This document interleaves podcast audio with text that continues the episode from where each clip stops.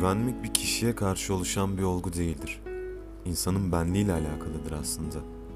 Eğer birisi çıkar da kırarsa güvenini insanın, kaybetmez tüm insanlar olan güvenini. Tek kaybettiği kendine olan güvenidir. Aynı hüsrana uğramak istemez belki de. Tekrar güvenmeye güvenemez. Birisine.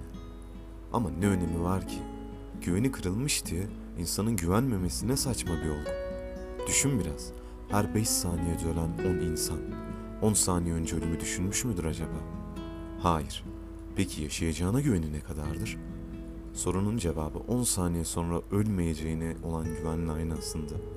Yani 10 saniye sonrasına güvenemeyeceksen bunu saplantı haline getirmenin ne anlamı var ki?